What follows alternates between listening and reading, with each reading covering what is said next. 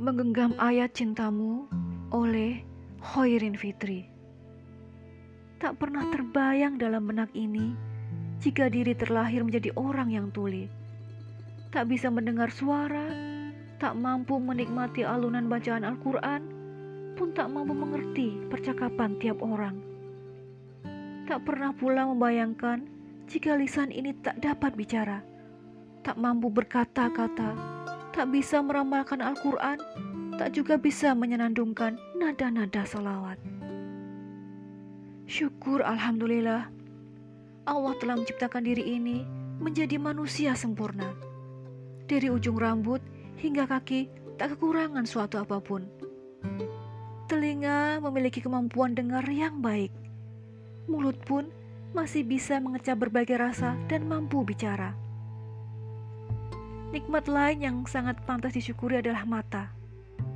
Mata yang mau melihat berbagai karya Allah di alam semesta, manusia, serta kehidupannya. Mata yang bisa digunakan untuk memandang setiap ayat Al-Quran yang terpampang dalam lembaran-lembaran mushaf. Mata yang tak lelah diajak berkarya untuk kebaikan umat. Sungguh, dengan mata inilah sebuah ayat Al-Quran tampak indah saat berbincang tentang rahmat dan cinta Allah. Tapi, mata langsung mendelik hingga terkadang basah ketika ayat Allah yang dipandang berisi tentang azab atau murka Allah pada mereka, orang-orang yang tak beriman.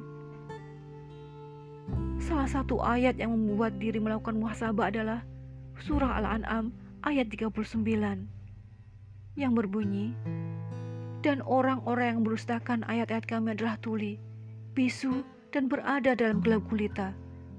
Barang siapa dikehendaki Allah dalam kesesatan, niscaya disesatkannya. Dan barang siapa dikehendaki Allah untuk diberi petunjuk, niscaya dia menjadikannya berada di atas jalan yang lurus. Ngeri rasanya jika Allah mengategorikan diri sebagai orang-orang yang merustakan ayat-ayat Al-Quran. Allah mengatakan, Orang semacam ini adalah orang tuli, bisu, dan berada dalam gelap gulita. Astagfirullah, naudzubillah min dzalik. Sungguh, diri ini tak ingin terjatuh pada predikat pendusta Al-Quran. Maka, pelan tapi pasti, meski merasa raga ini banyak berlumuran dosa, tetap memberanikan diri memohon pada Allah agar mendapatkan ampunan. Selain itu, Memohon pula agar Allah berkenan memberikan petunjuk ke jalan yang benar, jalan yang lurus menuju surga. Membaca kembali ayat ini, maka diri ini menjadi sadar bahwa ada orang-orang yang Allah biarkan dalam jalan kesesatan. Karena sejatinya mereka diberi petunjuk tapi enggan. Mereka menghempaskan petunjuk ini dan tak mengindahkannya. Tak ingin rasanya raga dan diri ini masuk kategori orang yang tersesat orang yang pandai maksiat, orang yang nanti di akhirat bakal sekarat.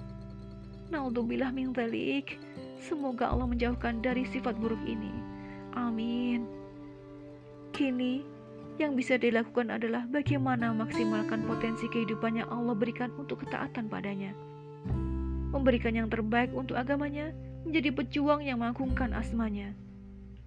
Sangat berharap dengan upaya ini, bisa meraih simpati Allah dan mendapatkan cintanya. Sehingga, kelak ketika berjumpa dengannya, diri punya hujah yang bisa disampaikan bahwa pernah memilih jalan ketaatan, jalan orang-orang yang Allah beri petunjuk. Wallahu.